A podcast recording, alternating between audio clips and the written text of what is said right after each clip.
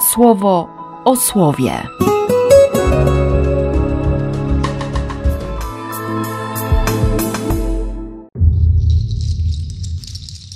Osiemnasty listopada, czwartek. Z pierwszej księgi machabejskiej.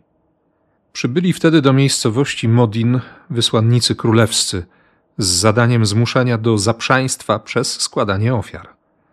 Wielu z Izraela uległo im. Matatiasz natomiast i jego synowie sprzeciwili się. Wysłannicy króla zwrócili się do Matatiasza słowami: Jesteś w tym mieście pierwszy, szanowany i wielki.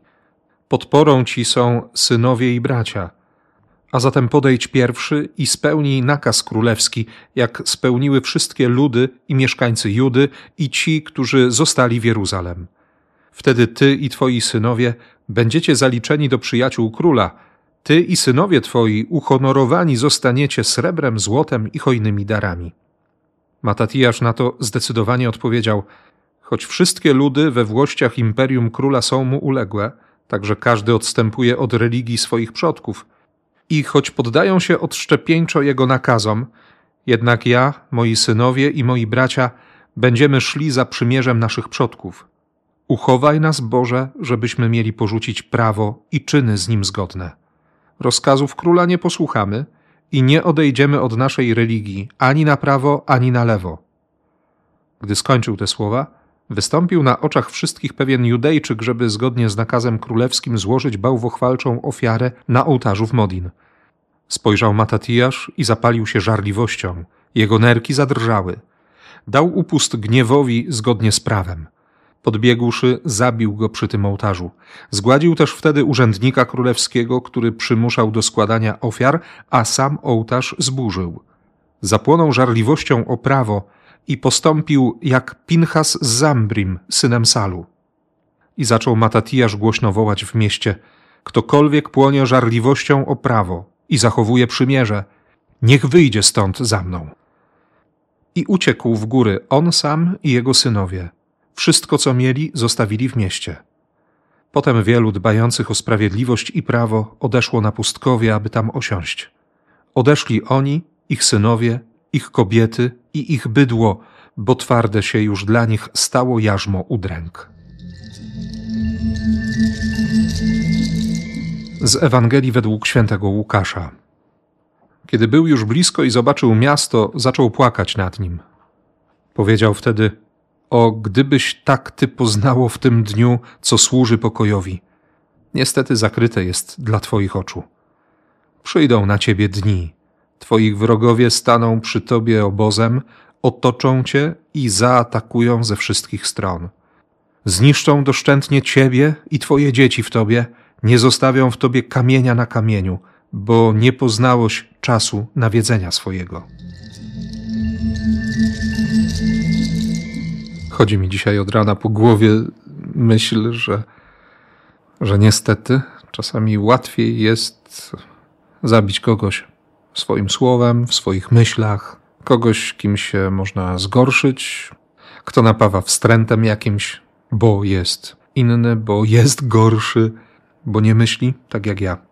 Łatwiej jest zrobić to, niż odkryć w sobie i rozwalić te wszystkie ołtarze, na których składa się ofiary różnym bożkom. Żeby to zrobić, trzeba, trzeba wyjść na pustynię za Matatiaszem. Trzeba posłuchać takiego wołania, nie? posłuchać proroka. Ktokolwiek płonie żarliwością, niech wyjdzie. Iść na pustynię po to, żeby odkryć prawdę, żeby zmierzyć się też z tymi wszystkimi swoimi demonami, niekiedy bardzo głęboko ukrytymi, a przecież wciąż przeszkadzającymi, by za świętym Pawłem złożyć ofiarę z siebie samego. To znaczy z odwagą i z zaufaniem jednocześnie położyć swoje życie na dłoniach Boga. Tak jak On kładzie siebie i swoje życie z zaufaniem i wiarą na moich rękach. Ile razy wpadnie mi w oczy tekst o ofiarowaniu, na przykład u świętego Pawła. Proszę was, bracia, abyście dali ciała swoje na ofiarę żywą, świętą, przyjemną Bogu, jako wyraz waszej rozumnej służby, to myślę o Komunii Świętej. Myślę o tym geście i o tej chwili, kiedy, kiedy mam na rękach ciało Boga. Nie? On daje ciało swoje jako ofiarę za mój grzech. I to jest dla mnie codziennym przypomnieniem, że mam robić to samo.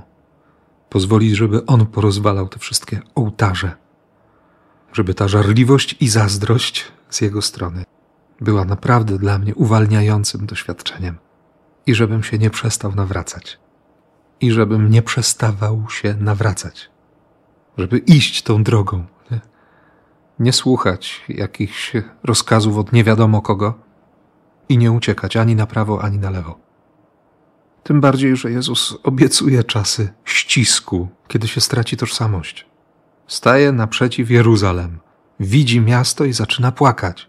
Jeruszalaim, miasto pokoju, które nie rozpoznało tego, co służy pokojowi. Straciło tożsamość. Pewnie kolejny raz, tak jak za czasów Jeremiasza, chwalili się i zaklinali rzeczywistość. Nie?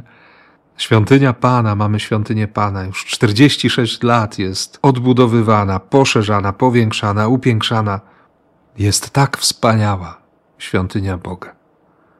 Ale to, co się dzieje w świątyni i to, co się dzieje na zewnątrz świątyni, woła o pomstę do nieba.